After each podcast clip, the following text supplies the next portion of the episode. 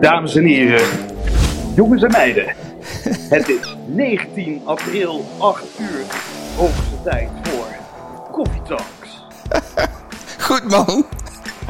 Je doet dat fantastisch. Goedenavond. Gekke huis, jongens. Hey, welkom allemaal. We hebben er zin in. Kijken de hele dag al naar uit. Het platform eh, wat jou gaat helpen bij alles wat te maken heeft met leiderschap. En wij putten uit de wijsheid van, nou, misschien wel een van de grootste inspiratiebronnen van mij en Remco, Stephen Covey. Wanneer is hij bij jou in je leven gekomen trouwens? Ja, dat is een goede vraag. Boekje, een leuke denk vraag ik. om mee te starten Oh, inderdaad. sorry. Ja, ik, ik neem het meteen over. Jij was nog niet klaar met de intro. Terug naar Glenn Vergozen, dames en heren. Ja, we, we stellen onszelf zo wel kort even voor, alhoewel de meeste mensen volgen ons. Dus ik kan me zomaar voorstellen dat dat voorstellen heel kort kan zijn. Maar eh, mijn eerste aanraking met, eh, met Stephen Covey was in eh, 2011. Toen ik eh, net mijn eerste stapjes maakte als, eh, als trainer. In 2010 eh, begonnen. En, eh, en toen was er één trainer en die vond ik zo inspirerend. En ik dacht van ja, wat gebeurt hier nou? En na afloop ben ik, eh, ben ik naar toe gegaan. Wat moet ik lezen? Wie moet ik kennen om zo goed te worden als jij? En hij zei, dan raad ik jou twee mensen aan. Eén, Stephen Covey. Dus ga dat boekje lezen. De zeven eigenschappen van effectief leiderschap. En twee, jou ook wel bekend, Remco. Check Tony Robbins. Yes, yes, yes. En ik kreeg van hem een hele lading aan gedigitaliseerde cassettebandjes van, van die Tony Robbins. Die heb ik vervolgens in de auto helemaal The krijt 30 gedaan. Day Success Program. Exact, exact. En eh, een paar jaar later vloog ik voor het eerst naar Londen om daadwerkelijk vier dagen te high-fiven met, eh, met Tony Robbins. Ja. Maar helaas, in 2012 overleed Stephen Covey. En ondanks dat ik nu voor zijn instituut mag werken, ja, heb ik hem zelf nooit eh, in, levende lijf ontmoet. Oh, dus dat fotootje, dat stak wel een beetje wat ik vandaag had gepost, of niet? Dat, dat fotootje, daar kijk ik met bewondering naar, Remco. Ja, sowieso mijn kleding en mijn haardracht. ik Vertel schrok er zelf ook wat van. is jouw eerste aanraking met, eh met, met koffie geweest? Ja, ik heb, ik heb het andersom gehad. Ik kreeg een boek van eh, een vriend van mij bij BSO, eh, Pieter Verberne. En die zei, dit is iets voor jou. Dat was Tony Robbins, dat, dat, eh, Je Ongekende Vermogens. En toen, ja, toen ben ik eigenlijk heel snel van Tony naar Covey of van andersom. Als je eenmaal in dat persoonlijke ontwikkelingsdomein komt, dan zijn er een aantal namen die altijd oppoppen. Dus eh, ja, toen kwam de Seven Habits. En toen had ik zoiets van, ja, maar dit is de samenvatting van alles van wat ik tot nu toe heb verzameld al. Dit is, dit is goud. En ja, dan ga je die licentiëring in en zo. En dan word je helemaal gek van die materie. Is zo goed. Ja. Was jij klaar met de intro? Want anders pak ik hem snel over voor... eh, Ja, ga je gang, Remco. Yes. Nou, ik, ik probeer de twee minuut versie te doen. Ehm Ex-IT'er, eh, doorgeschakeld naar commercieel management, lukte niet. Maar toen in aanraking gekomen met eh, persoonlijke ontwikkelingsmarkt, populaire psychologie. En helemaal wous geworden van die materie. Ik heb dat nooit eerder gehad. De hele ATS-tijd heb ik niks over mezelf geleerd of over hoe je met anderen om moet gaan. En in één keer ging die wereld open. Wie ben je nou? Wat wil je? Wat kan je? Hoe krijg je dat voor elkaar in je omgeving? En ja, letterlijk aangegaan. Dat is, dat is 26 jaar geleden en sindsdien spons ik alles op. Van esoterisch, wetenschappelijk en alles ertussenin. Dus een grote verzamelaar en eh, kan daar niet mee stoppen om over te praten. Dus Glenn en ik zijn eigenlijk kindred souls, alleen er zitten een paar jaartjes tussen. Hey, we gaan ehm, zo snel mogelijk de inhoud in. Ik heb geleerd van de rooms die ik beluister, zo snel mogelijk waarde geven. Wij gaan Ja. lekker sparren over eh, persoonlijk leiderschap en eh sociale victory. Dus hoe krijg je het voor jezelf op de orde en met anderen. En ik denk dat we om het eh 25 minuten wat mensen op de bühne vragen voor een Q&A. En bij voorkeur niet te lang uitlopen. Want dat vind ik ook die rooms die twee keer over de kop gaan. eh, nee, laten we gewoon zo snel mogelijk waarde bieden. Precies. Dus dit, eh, deze duurt een uur. eh, en daar gaan we ons ook aan proberen te houden. En de structuur van vanavond, zoals Remco al eh, aankondigde. Volgens de gedachte van Koffie zegt, zegt Steven Koffie: om effectief te kunnen zijn, heb je een overwinning op jezelf nodig. En een overwinning met je omgeving. En dat zijn de twee blokken waar we het vandaag uit, eh, uit gaan putten. Dus we beginnen met de overwinning op jezelf. Op het moment dat je vragen hebt, ook vergeet niet je handje op te steken. Er komt dus nadat wij, uh, dat, dat Remco en ik wat hebben zitten keuvelen, een moment om vragen te stellen. En dan stappen we daarna over naar de overwinning met je omgeving. Alright. Oké, hoe openen we dit? Ja, misschien wel een, uh, wel een vraag. Uh, ik ben ook wel benieuwd naar jouw visie daarop. Want als ik naar, bij organisaties kom, dan merk ik dat mensen vaak in één zucht zeggen: Ja, we willen heel graag effectiever worden en we willen heel graag efficiënter worden. Ja. En als ik kijk naar dat boek, dat heet niet voor niks de zeven eigenschappen van effectief leiderschap. Dus het heet niet de zeven habits of highly e-, efficient people. Dat was een van de eerste dingen die ik zo interessant vond. Want die labels worden heel vaak door elkaar gebruikt. En wat is nou precies het verschil? Hetzelfde geldt ook voor leiderschap versus management. Je hoort dat overal door elkaar. En als ik ook mijn collega-auteurs bekijk, dan, dan, zie je overal leadership staan. En dan, dan, dan, klik ik door, dan blader ik door. Maar dan gaat het toch vaak over process control of over cost control of over processen, taken en dingen en doelen. En dat is weer allemaal management. Dus het eerste wat ik eigenlijk van COVID heb geleerd is het immense verschil. Het zijn gewoon disjuncte vakgebieden tussen leiderschap en management.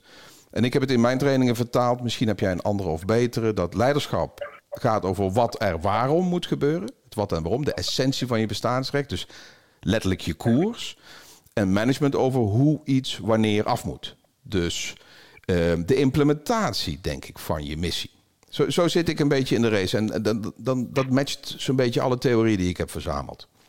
Ja, nou, en, het, en dat rijmt ook wel met hoe, hoe, wij, hoe, of wat, hoe ik het zie. Inderdaad, leiderschap gaat veel meer over het wat en het waarom. En management gaat veel meer over het hoe. Ja. En wat dat betreft kun je dat dus ook leggen op effectiviteit en efficiëntie. Effectiviteit in kortste zin van het woord zou zijn krijgen wat je wilt. Ja. En de efficiëntie is hoe je dat dan krijgt. Ja. En heel vaak zijn we, zeker in 21ste eeuw, en ik merk het ook bij mezelf nu in de baan van de dag vanuit huis werken en tijdens hè, nu al die sessies online, dat ik de neiging heb om veel meer te proberen te doen in minder tijd. Ja. Terwijl als, Koffie ergens kritisch over was, was het meer proberen te doen in minder tijd. Hij zei nee, het gaat niet over meer doen in minder tijd, het gaat over de juiste dingen doen. Ja. En waarschijnlijk gaat dat ten koste van sommige andere dingen. Ja, dat, dat hele prioritiseren, dat was voor mij ook wel een eye-opener. Ik kan me nog herinneren dat hij zei... Uh, uh, um, once you know what the right things are to do, you want to do them right. Maar je moet dus ja. eerst, en ook Sinek, hè, want wat ik zo leuk vind is dat Kovi's materiaal is eigenlijk tijdloos. Hè? Dan heb je de cirkels van Sinek en de Why. Ik lees daar non-stop Kovi doorheen. Ik weet niet of je, als je lang genoeg timmert, zie je overal spijkers en hamers. Maar het is zo fundamenteel wat die man heeft verzameld. En uh, daarna komen er allemaal derivaten die eigenlijk hetzelfde behandelen. Waaronder ondergetekende, by the way. In, in, in, insgelijks, insgelijks. En daarin moet ik natuurlijk ook bij zeggen dat Koffie de eerste was die toegaf dat hij het zelf ook niet allemaal had bedacht.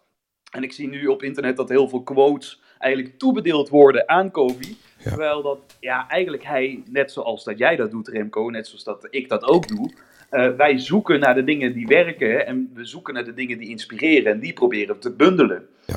En het succes van, van het boek, The Seven Habits, is dat hij het allemaal samen wist te pakken in een framework die zo tastbaar en alomvattend is. Ja. En daarin plukte hij uit gewoon 200 jaar aan, aan management- en leiderschapsliteratuur. Ja.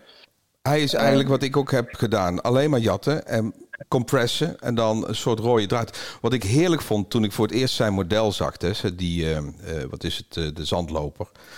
Uh, dat je, het is gestructureerd. Het, het geeft een stappensysteem, een ABCD. En dat is voor mij als, als structuurfanaat en licht extreem OCD'er heerlijk, maar ook als trainer. Je hebt, je hebt een begin en een eind. En er zijn die zeven habits, zie ik van oudsher als tredes om te komen tot uh, ja, succes, geluk, wat voor woord je ook uh, ja. ja, en als we dan kijken naar die overwinning op jezelf, hè, die eerste stap die je brengt van afhankelijkheid naar onafhankelijkheid. Ja. Dus hoe word je onafhankelijk van de omstandigheden, onafhankelijk van de goedkeuring van anderen, onafhankelijk van de hoeveelheid aan uh, notificaties en afleiding die we vandaag de dag hebben. Het betekent dus dat we vanuit een soort fundamenten regie hebben over ons eigen leven. Ja, daar ben ik een van de nog het meest van geschrokken. Hoe moeilijk dat is. Want even onder ons gezegd, uh, heel veel management, auteurs en bestselling goeroes als je dan kijkt naar de hoofdstuktitels, het zijn altijd zo'n open deuren van die tegeltjes aan de wandwijsheden. Dat je denkt van ja, de, hè, die circle of influence. Natuurlijk is gedrag het enige waar je. Totdat het echt landt. En, en, dat vond ik als trainer in het begin zo fascinerend om te zien. Want je kunt het makkelijk uitleggen en dan kun je het onderbouwen vanuit diverse hoeken. Maar voordat mensen dat echt omarmen, die, die, die, dat, die complete bewustwording. Ik kan niks en niemand de schuld geven van mijn eigen succes of falen anders dan mijzelf. Ik ben het gevolg van mijn vorige beslissingen en ik word het gevolg van mijn nieuwe beslissingen. En soms hebben mensen pas na een burn-out of na een echtscheiding of een faillissement of een stevig trauma, dat ze dat echt gaan leven. Ja. Heb jij dezelfde ervaring? Want de theorie denken ja, ja, de. Maar het is zo fundamenteel. Het is, het is, dat zit heel erg gekoppeld aan die principes. Hè? Hij, hij beschrijft principes, uh, zeker bij die overwinning op jezelf heb je het over principes als verantwoordelijkheid, als visie, als focus. Nou, er zal nu echt niemand zijn die pen en papier pakt en denkt, oeh, oeh, focus. Ja, dit is nieuw. Wauw. Wauw. Nee, dat zijn echt open deuren, hartstikke open deuren. Maar in, het, in het Engels zeg ik vaak, it's common knowledge, not common practice. Ja. En waarom denk jij dat het zo lastig is, Remco? Dus, nou, we kennen het vaak wel, maar we doen het niet. Ik ben uh, ras-scepticus. Als je als IT'er uh, ineens in dit, dit, groeisegment komt, dan heb ik, ik geloof niks en niemand als het niet wetenschappelijk genoeg is. Dus ik ben gaan zoeken naar wat is nou de onderbouwing achter Habit 1. Hè, dat, dat proactiviteitsconcept. En ik kwam uit bij de, de meest basale uh, gedragsleer. Dus behaviorism. En daar ontdekte ik een, een, een fundamenteel hoofdstuk over de locus of control. Nou, hmm. die heb je dus twee, een internal of een external locus of control. Even kort door de bocht, locus is plaats, locatie, plek. Control is gevoel van invloed. En de stelling is dat je een internal locus of control nodig hebt om überhaupt een koers te kunnen gaan maken. Mhm. En dan lees je verder en dan kom je erachter dat wij complete lemmingen zijn. Dat bijna alles wat wij doen, zelfs hè, het grote, hè, je hoort wel eens over die 90% is onbewust. Zelfs dat deel is heel erg externally driven. Geurtjes, kleurtjes, ervaringen, compilaties van oud falen en, en trauma's. En die maken onze beslissingen. Niet zozeer dat je nadenkt over A en B. Dat is al gebeurd op een split-level eh, niveau. Dus de, de, meeste mensen hebben een external locus of control. En dat is dus uh, onze natuur. Ja. Dus hebben het ja. is tegen natuurlijk. Zeker, het, is, het zeg ik ook vaker. Het is gewoon niet biologisch om niet te reageren op je omstandigheden, op de omgeving. Want ons, ons brein is natuurlijk gemaakt om niet om ons gelukkig te maken of succesvol, maar om ons te doen overleven. Ja. En voor miljoenen jaren lang nou ja, dan als, als je door de savanne heen liep en het sabeltandtijger kwam op je af en je ging eens even nadenken. Oh, ik, ik heb, Misschien is het wel een heel lief, aardig, gezellig tijgertje. Nou was je hartstikke dood. Ja. Dus voor miljoenen jaren is je reactiesnelheid survival of the fittest. En nu, in de afgelopen paar decennia, gaan we niet zeggen: hé, hey, wacht eens even. Nadenken is zo nieuw. Neocortex is niet voor niks neo. Wij zijn pas 10.000 jaar een beetje aan het mijmeren over uh, links of rechts. Voor die tijd was het can I eat it of does it eat me? Ja. En dat is dus veel fundamenteel. Het grootste deel van onze hersenen zit dus op, op dat level. Ja. En dat, dat vond ik dus waanzinnig om te ervaren. Zeker als trainer. Als je wel hè, wil dat mensen na jouw programma iets gaan doen, laten nooit meer vergeten. Dan is het snappen niet genoeg. Je moet ze echt vol bij de onderbuik pakken. Wil de content uh, ja, gaan leven. En dat ze het dus omzetten in gedrag. Ik, wat ik meestal als trucje doe, is stel dat mensen een, een deel in hun leven hebben wat niet zo loopt. Hè, een zesje of een vijfje. En ik zeg, nou, hoe komt dat dan? En dan kun je er honderd interviewen, maar dan krijg je negen nee de keer. Ja, mijn, schoonmoeder spoort niet, mijn baas is gek, ik heb geen budget met deze regering in deze tijd. En dat is allemaal external. Dus het is niet zomaar een conceptje. Dit zit zo in onze vezels dat wij. Ik heb um, een vreselijke opdracht gehad in het eerste Clubhouse congres een paar weken geleden. Toen zeiden ze, kun jij je boekenkast hè, terugbrengen naar 15 minuten? ja. Toen heb ik uh, dat Caretta Caretta voorbeeld gegeven. Dat is zo waanzinnig. Dat heb ik van een bioloog. Over uh, hoe zo'n zeeschildpadje... Hè, die moeder komt dan op zo'n uh, strand, die fruttelt daar een gat... naait er 60 eieren in, zand erover, toedeledokie. Als je vergelijkt hoe het moet zijn voor zo'n schildpadje... dan word je min of meer bewust eh, in een leren zakje. Dat gaat open, allemaal zandbroertjes en zusjes. Wat de fuck is hier aan de hand? Ja, dan ga je naar boven, wat ik al briljant vind. Ik denk dat ik helemaal in mijn broek zou schijten en rustig zou blijven zitten totdat hè, de eten wordt opgediend. Ga je naar boven, mam. Nou, is geen mam. En dan ga je maar eten zoeken. Dat is zo bizar als dat echt landt. Je moet ons na de geboorte losknippen en op strand leggen. Dus wij kunnen niet zonder moeder. En dat is onze initial scripting. Maar dat blijkt dus dat dat dus ook een definitie geeft van hoe wij de rest van ons leven zijn. Zonder moeder op het strand trekken wij het niet. Dus het is een complete paradigm shift om zelf verantwoordelijkheid te nemen. Dat zit dus letterlijk niet in onze vezels. Wat is, uh, hoe, hoe help jij, want jij staat er ook om bekend dat jouw trainingen heel erg gaan over beleven en, uh, en ervaren. Hoe, hoe help jij uh, men ook in, in jouw workshop pro, proactiever? Ja, ik, ik, ik heb een aantal spelletjes en technieken waar. Ehm, weet je, ik draai het om. Deze heb ik van Tony Robbins. Of van Joseph McClendon. Een van de twee. Maakt niet uit, die spreken allemaal uit één boek. experience first, label later. Dat staat, uh, probeer ik ook uit te werken in mijn andere passie, het verbaal meesterschap deel. Uh, veel trainers, onderwijzers doen het nog steeds andersom. Geven een, een theoretisch raamwerk en gaan daarna met een casus uh, de klas helpen oefenen. Nou, het blijkt omgekeerd vele, vele malen effectiever te zijn. Dus mensen vol bij de nood te pakken, recht in de val laten lopen. En op die ervaringshaak je theorie baseren. Dus ik laat ze met oefeningetjes en ogenschijnlijk olijke spelletjes met muziek en drank en van alles vol op een plaat gaan. En daarna is het easy peasy eigenlijk om die, die academische context aan te reiken. Dus de, laten, we, laten we doorgaan met hebben twee, want anders krijgen we de, de private victory nog niet eens in het eerste blok. Als je Kovi's werk leest, staat daar Write Your Eulogy. Als een soort ultieme ervaring van, hey, uh, what if, hè? je bent dood. En dus ik, ik vind dat zo'n zo'n ontzettend fundamenteel gegeven in die private victory. De ontdekking van je kan dood en wat, hoe wil je geleefd hebben. Ik had pas een swami, um, ik weet niet, volgens mij was het op YouTube. Die zei, we hebben twee levens. En de tweede start op het moment dat je ontdekt dat je er maar één hebt. Die vond ik zo diep. En daar kun je over lezen, hè, hangend boven het boek van Covey. Maar ik wil dat dus vol erin. Dus dit is een vreselijke spoiler voor mensen die mijn programma's nog niet hebben gedaan. Er zit een ijskoude begrafenis in. 200 kaarsjes. Gewoon liggen. Je hebt geen idee wat er gebeurt. Het wordt binnengefietst als geleide visualisatie. Maar die komt zo hard binnen. Er zitten minstens 20, 30 mensen in de zaal die dat hebben meegemaakt bij mij. Dat weet je tien jaar later nog. Ja. Dus Write Your Eulogy, lezend in dat fantastische boek van onze vriend. Ja, dat is mooi. Komt die cognitief binnen. Maar echt met intense muziek, 2,5 uur in een geleide visualisatie, uh, je dood geanceneerd krijgen, dat is vol bij de nood. Ja, ja, dat is een prachtig voorbeeld. En dat, nou ja, precies wat je zegt. Er zijn mensen bij jou langs geweest en jaren na dato beginnen ze daar nog steeds over. En, en tegelijkertijd zegt het dus ook hoe, ook weer hoe niet normaal gedachtegoed het is dat we even stil gaan zitten en gaan nadenken. Wat wil ik nu eigenlijk met mijn leven?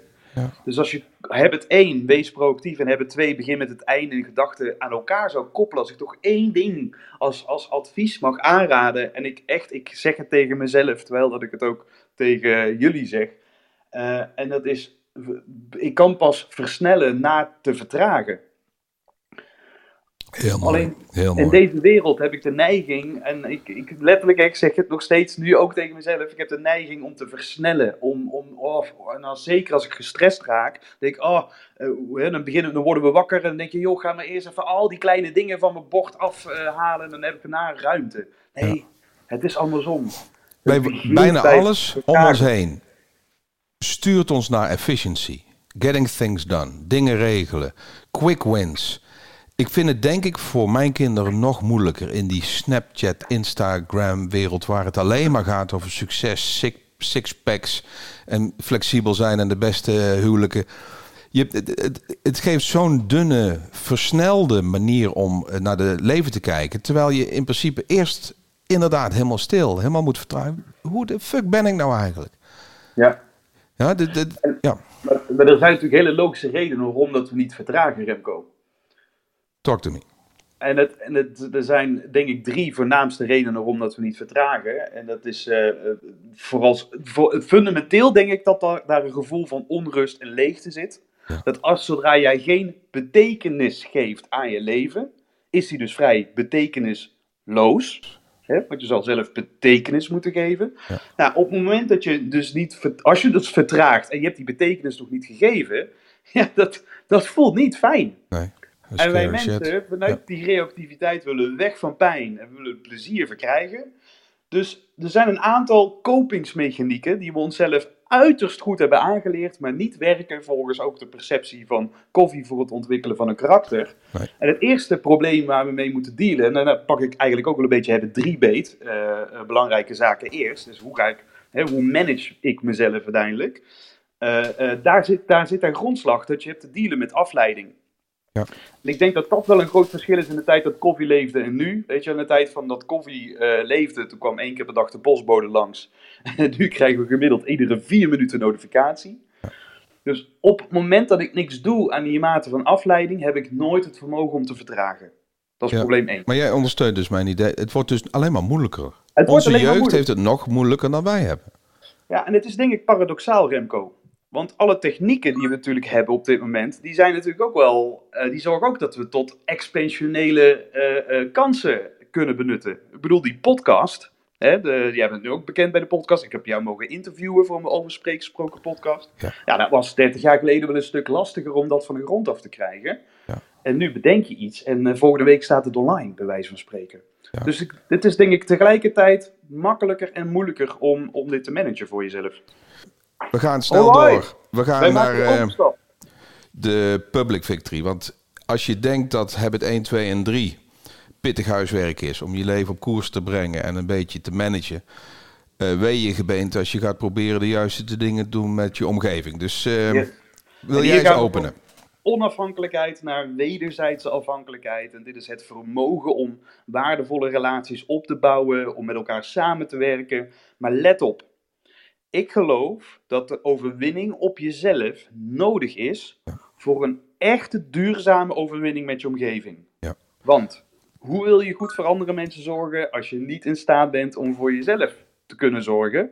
Maar dat gezegd hebbende, laten we veronderstellen dat jij weet waar je voor gaat en staat en je kan jezelf dichter bij dat doel brengen, ja, dan is er een fantastisch Afrikaans gezegde. En dat is alleen ga ik sneller, maar samen komen we verder. Ja. En die vind ik zo mooi, want dat helpt mij dat ook al ben ik bij wijze van spreken positief, egocentrisch, gefocust op mijn doel, dan nog ga ik sneller en verder. Of niet zozeer sneller, maar wel verder, wanneer ik dat samen met andere mensen opbouw. Ik heb dat nooit zo begrepen hoe fundamenteel die private victory is. Dat, en ik denk ook dat wij veel sommige mensen te snel gaan proberen de public victories te bereiken. Dus communicatielessen, ondernemerslessen, efficiency technieken, beïnvloedingstechnieken. Als dat fundament niet staat, dat, wat ik zo waanzinnig vond, is die, dat, dat, dat, dat, die hebben het via dat Think Win-Win. Dat is ook zo'n tekeltje aan de wand. Dan denk je van ja, de, daar word je bij elke vergadering mee doodgegooid. We moeten win-win denken. Ja, oké.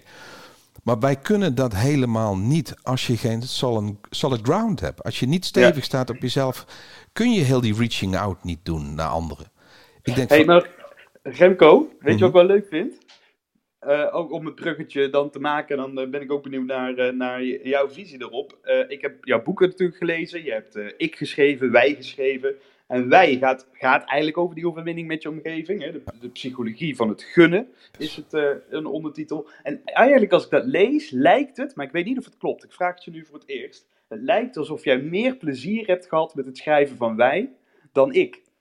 Want de energie spat er werkelijk vanaf. Van yes, we gaan het hebben over invloed. We gaan het hebben over ja, hoe krijg ik de ander zover. Ja. Dan moet ik er wel bij zeggen, uh, de eerste boek is een co-writership. Dus dat hebben we samen ontwikkeld.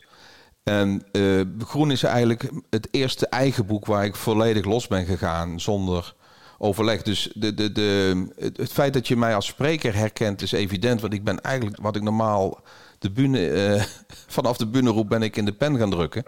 Ja. Dus, maar ik, ik... Vertel eens wat. Wat, wat, wat, kunnen we, wat, wat kunnen we leren om die overwinning met, de, uh, met je omgeving... Ja. Om dat, nou, laten we, laten we beginnen met dat het wederom, dat vond ik vind ik zo waanzinnig. En dat zit een beetje in de rode draad ook in mijn 3,5 daags programma. Dat bijna alles wat Kofi roept, uh, in principe haak staat op onze natuur. Dus wij zijn korte termijn, wij zijn niet voor long term. Dus beginnen we die end in mind is hartstikke moeilijk. We zijn ontzettend reactief. Dus zowel hebben het 1 en 3 zijn lastig om ons uit quadrant 1 en 3 te houden. Dat Lemmingen-syndroom, die external locus of control. Maar toen ik ben gaan onderzoeken hoe het fundament van de public victory in elkaar zit, ben ik nog meer geschrokken. Wij kunnen niet delen. Die scarcity mentality, dus die aan de basis ligt van het win-lose denken of het win whatever. Ken jij uh, David Eagleman? Dit moet ik met jou delen. Ook voor, voor je trainen. Dit is zo waanzinnig. Kijk, daar waar dus behaviorism een verklaring geeft voor uh, onze uh, afhankelijkheidsmodus, onze reactiviteitszin. Mm Er zijn nieuwe onderzoeken gedaan over het wij-zij denken. En ik probeer het kort uit te leggen, want het is scary shit. Uh, je ziet uh, een man die heeft ECG's op, dus al die puntjes op je dak. Dus voor brain activity te meten. Is de ECG? Fuck het, zoek het op. Ja. En dan zie je, zie je een blanke hand. Blanke man ziet een blanke hand waar een naald in verdwijnt. Tussen de duim en de wijsvinger, dus het vet. Dus daar overleef je wel, maar het ziet er heel pijnlijk uit. En dan krijg je dus een schrikrespons als kijker. Volgende filmpje. Blanke man laten ze een gekleurde hand zien. Ik weet niet meer wat je moet zeggen tegenwoordig. Stroopwafelhand? What the fuck? um, bruine hand, waar ook een naald in gaat. Geen reactie. Nou, ze zijn zo geschrokken dat wij dus geen empathie en geen identificatiestress ontwikkelen als het niet onze eigen groep is. Ze zijn dus verder gegaan. Blanke man, witte hand, maar het label moslim. Terwijl de man joods is. Of andersom, maakt niet uit. Gaat er in je eigen groep een naald in, krijg je dus een fysieke schrikreactie. En bij de anderen niet. Mhm. Dus je kunt dus iemand blank, blanke hand PSV en je bent Ajax ziet, dan ga je dus lachen als er een naald in een PSV verdwijnt. Het is het in-group, out-group phenomena. En dat is dus heel eng, dat als iets dus niet van ons is, hebben wij geen empathie. Daarom moet je kunnen moorden of verdedigen, je voer beschermen. Dat is dus onze natuur. Dus win-win is wederom een neocortex-concept wat je moet trainen en wat je moet leren, wat je moet snappen. Wat dus ja, uh, civilisatie vergt. Want onze natuur heeft dus kill hem or eat hem. Ja. Ja, en hier beschrijft ook uh, Covey dus het fundament wat eigenlijk nog voor denk-win-win komt. En dat is ja, het cement van iedere relatie, het allerbelangrijkste. En dat is vertrouwen. Zonder vertrouwen, hij koppelt dat aan een emotionele bankrekening, hè? maar zonder vertrouwen wordt het dus heel lastig. En je zegt inderdaad met die nieuwe testen, je kan op internet, je googelt discriminatietest, kun je zelf online testjes doen. En het is inderdaad schokkend. Ik heb een keer een blog online gezet met de, met de titel Ik discrimineer. Dat wij zoveel onbewuste bias hebben, dat ja. ja als we dieper gaan zoeken, dan zijn we dus van nature empathisch. Maar dat betekent ook Hè, Rutger Brechtman schrijft het ook in De meeste mensen deugen. Het feit dat we in, uh, in, tot een groep willen behoren, maakt ook dat we automatisch andere groepen proberen af te stoten. Ja, ja. ja maar, wil ik ook nog een keer een rol mee hebben. Ja. Uh, zijn werk is iets te roze bril. Ik denk dat ik best wel wat dingen op hem af kan gooien waar dat iets minder uh, positief beeld geeft van de mens. Maar ik vond het wel een verfrissende kijk weer. Dat het, uh, het, het is mogelijk dat wij mooie dingen doen, maar het zit niet in onze natuur. Wat wel fijn is, is dat, en dat ben ik zo blij mee, en ik merk ook dat nu ik met jou praat, ik word hier heel enthousiast van. Ik kan me ook voorstellen dat, dat iemand anders denkt, ik mis een beetje de pragmatische aanpak, oh, hè, wat kan ik ermee? Daarom, daarom heet het ook de zeven eigenschappen, hè? dat suggereert dat je iets hebt doen, zodat het een eigenschap wordt. Wat ik wel heel bevrijdend vind, is dat dat boek dus heel pragmatisch is. En, en waarin Koffie dus schrijft, daar waar het 1 tot en met 3 gaat over het bouwen van je karakter. Nou, daar hebben we het net over gehad. Zou je het 4, 5, 6 eigenlijk heel gemakkelijk kunnen opsplitsen. Daar waar het 4, denk win-win, is eigenlijk niks minder dan een attitude. Ja. Dus hoe speel ik het spel? Heb, denk ik dat er meer dan genoeg is voor iedereen. Of denk ik, heb ik inderdaad... Ja, scarcity of mentality. Of scarcity mentality, inderdaad. Denk ik in termen van schaarste of in overvloed. Nou, we zagen hè, de, de run op de wc-rollen, was een mooi voorbeeld Ja, van bizar. schaarste denken. En de grap is, wij zaten dan een beetje zo te lachen, maar we deden als, als hè, leergierige mensen exact hetzelfde op internet. Want alles werd gratis op straat gegooid, al die webinars, al die e-books. En ik ging ook horden, alleen dan online. Juist. Ja. Deed soort van hetzelfde. Maar de denk-win-win gaat dus over, heb ik de attitude eh, van win-win? En denk ik dus ook in termen van de winst voor jou en de winst voor mij. Ja. Op het moment dat ik wil, mijn invloed wil verhogen, is het toch eigenlijk heel dom. Als ik toch iets voor jou, bij jou voor elkaar wil krijgen, is het eigenlijk heel raar dat ik dan niet van tevoren mezelf afvraag, hey, wat zou daar voor jouw win kunnen zijn? Ja. Ik weet niet, heb jij dat ook Remco, dat je enorm veel mensen aantrekt die dan vragen, zullen we een keer een kop koffie drinken? Of die willen dan ha- hangen. Ja, dat, dat jij die aanvragen krijgt.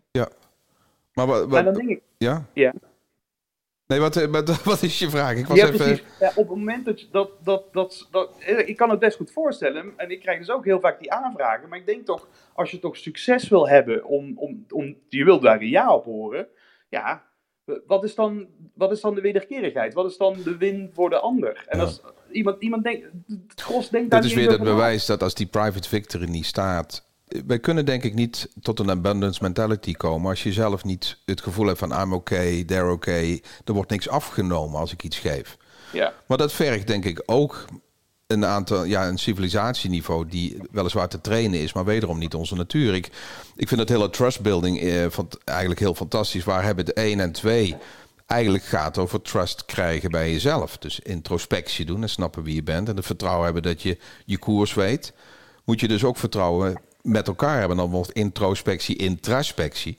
Ja. En waar ik heel hard tegen aan het schoppen ben, is nog steeds die top-down attitude die wij hebben in alle organisaties. Wat dus eigenlijk niks anders is dan een voedingsbodem voor wij zij denken. Wij van daarboven en wij laten jullie daar beneden werken. Als, dat moet zo ontzettend omgedraaid worden. Willen wij een eenheid kunnen worden? Als je samen met elkaar. Ik heb eh eergisteren een stuk eh, geshared op, op LinkedIn. Een van mijn helden in de zorg is professor Jaap van de Heuvel. Die heeft eh, prachtig en zeer pijnlijk eh, strikt blootgelegd wat er allemaal mis is in de zorg en hoe we daar ehm, mm, uit kunnen komen. En die, die praat dus eigenlijk ook over die verbinding van top en bottom. Eh, we mogen dat van Marianne Zwager niet meer noemen, hè? laag en hoog en weet ik veel. Ja, maar praktisch. samen, theoretisch, hè? Ja. praktisch en ja. Wij, je ziet de meeste organisaties nog steeds top-down, spreadsheet-achtig worden gemanaged. En dat geeft dus nooit een wij-niveau. Dat geeft nooit trust dat je er ook bent voor alle lagen. Dus Ja. het omdraaien van die piramide is een van de dingen die ik zo waanzinnig vond in eh, ook Principle-Centered Leadership. Dat, dat boek is niet echt hard gegaan. Jullie hebben de. Wat is daaruit voort? Is de achtste habit eigenlijk een rewrite op eh, eh, Principle-Centered Leadership? Eh, nou, niet, niet echt. Achtste eigenschappen is een van de laatste boeken die Covey geschreven heeft, dat hij echt wel zag als zijn legacy. Dus de achtste eigenschappen is een dikker boek dan heel die Seven Habits. wat, Ja. wat een beetje, denkt zo, huh? Maar dat was echt, ja, zijn nalatenschap. Hij, hij, hij wilde ons ook meenemen, enerzijds naar formeel leiders, leiderschap. Dus het gaat inderdaad wel over leiding, leiding en anderen geven. En hij wilde ons meenemen in die transitie van het industriële revolutie naar Ja. eh, de, de kenniseconomie waar we nu in zitten. Eh, en hij wilde dus echt dat, eh, benoemen dat in de 21ste eeuw andere vaardigheden worden gevraagd. Juist. Eh, en we hebben daar wel een programma op ontwikkeld bij Frank Coffee. En het heet de vier essentiële rollen van leiderschap. Ja. Wat, wat, waar we denk ik, waar jij wel de hele tijd op hamert, Remco, en dat ben ik helemaal met jou eens, is, is die habit 5, hè. Eerst begrijpen, dan pas begrepen worden. En dat zie je ook in alle surveys van alle bedrijven, waarin medewerkers mogen zeggen welke kwaliteit zou je het meeste willen zien in je leider. Dan zeggen ze luisteren. Ja. En habit 5 veronderstelt dat op het moment dat jij luistert, je invloed groeit. Ja. Ja. En hier komt het eigenlijk mooi samen. En dan hebben we dus de attitude van denk-win-win. We denken dus een overvloed in, in, in plaats van schaarste. We, we trainen bij onszelf de vaardigheid van het luisteren. Ja. Want daardoor groeit onze invloed. Als ik die twee dingen bij elkaar optel. Dus ik, heb die, ik denk win-win en ik luister om te begrijpen, niet om begrepen te worden. Dan ontstaat synergie haast vanzelf. Want in plaats van dat we dan compromissen gaan sluiten, kunnen we op zoek, zoals Koffie dat dan mooi noemt, naar een derde alternatief. Glenn, heb je het niet hetzelfde dat je, dat je soms... Wat wij doen is zo ontzettend moeilijk. Seven Habits, en dan doen we dat in 3,5 dag of in 3 keer 2. Het is een lifetime aan werk. Ja, ja dat is het zeker. En dat, dat maakt het ook altijd een beetje pijn voor mij dat op het moment dat ik die Seven Habits in een paar dagen moet doen, dat ik denk van jongens, dit is een, ik, een rondleiding. Dat is wat ik doe. Ik geef jullie een rondleiding Ja. langs zeven kamers. Meer is het niet. Daarna hebben we allerlei tools waar, waarbij je het gaat leven. Je kent nu die Seven Habits, maar je leeft ze nog niet. En dat Nee. zul je toch echt zelf moeten doen. Maar oh man, op het moment dat je hier dag in dag uit een klein stapje in zet. Ja. eh, als je dus in, in staat bent om die overwinning op jezelf te behalen. En daarna die overwinning met je omgeving. Ja, dan, dan wordt het leven wel, om in Jan van Zetten zijn eh, t- eh, woord. Verwarrend eenvoudig, dames en heren. Amen, amen, ja. Nou, laten we, positief eh, eindigen. Inderdaad, als mensen beginnen te snappen hoe fundamenteel deze materie is, dat het geen quick fix techniek zijn of, of snelle populaire psychologie. Dit, is, dit zijn de building blocks of life itself. En ik weet niet of ik Seven Habits nou te veel hype, maar het is zo ontzettend intens waar en zo intens waardevol, maar zo intens hard werken. Remco, kun jij een muziekje aanzetten? Een- Yes. Een rustig muziekje, een piano muziekje misschien op de achtergrond. Oh, wauw. Oké, ik ga even... Eh, yes. We gaan langzaam richting de afronding, dames en heren. Maar we hebben van alle habits misschien nog wel de allerbelangrijkste niet benoemd. Er was eens Klinkt een goed dit. houthakker. en die houthakker kwam heel erg met veel motiva- motivatie, met veel passie ging hij in de slag. Hij had een clubhouse sessie gehoord over coffee talks, leidinggeven in jezelf met Glenn en Remco. En hij dacht, oh, ik ga aan de bak. En de eerste dag kapte hij 18 bomen om. Bam, een persoonlijk record. De volgende dag stond hij wat vroeger op en vast besloten om het nog beter te doen, kapte hij 15 bomen. Hij dacht, nou, ik zal een beetje moe zijn van de dag ervoor. Morgen, morgen ga ik weer doorpakken. En de volgende dag kapte hij er 9. De dag erna kapte hij er 5. En de laatste dag was hij de hele middag bezig om maar twee bomen te kappen. Hij werd onrustig. Hij voelde zich niet goed. Hij denkt, wat gaat hier mis? Hier, ik, ik heb toch een toekomst bij het bedrijf. Ik heb hier toch over nagedacht. Ik heb toch passie. Dit is toch mijn batterij. Ongerust ging hij naar zijn leidinggevende. Misschien eh, niet zo'n goede leidinggevende als Thijs, maar hij kwam wel in de buurt. en die leidinggevende die vroeg hem: Wanneer heb jij voor het laatst je bijl geslepen? En hij antwoordde: Slijpen, mijn zaag scherpen. Ik heb geen tijd gehad om mijn zaag aan te scherpen, want ik heb het veel te druk met kappen. Lieve vrienden, lieve luisteraars, Hij is goed. als je na vandaag toch één ding mee zou nemen. Oh mijn god. Verbaal meesterlijk, vriend. Let op! Ik ga maar bij doen. Go. Zelfs als je vandaag maar één van de zeven habits toepast, dan zie je direct resultaat. Maar het is een levenslang avontuur. Dus vergeet eigenschap 7 niet. Hou de zaag scherp. Alright, listen. Iedere dag een klein beetje. Remco, tot Voor de slot. Android mensen en mensen die getrouwd zijn met Androids. We gaan hier een podcastje van maken. Ik heb de rec-knop aangehad. hey, de tijd vloog Glenn. Was leuk. Was leuk, vond ik ook. Eh, ik wens je succes. Succes. Wat is dat nou? Maar succes. Succes met alle COVID talks die nog komen. En eh, erg leuk dat ik eh, erbij mocht vandaag. We gaan hem afronden. Het is af. Hey, fijne avond. Dankjewel. Bye bye.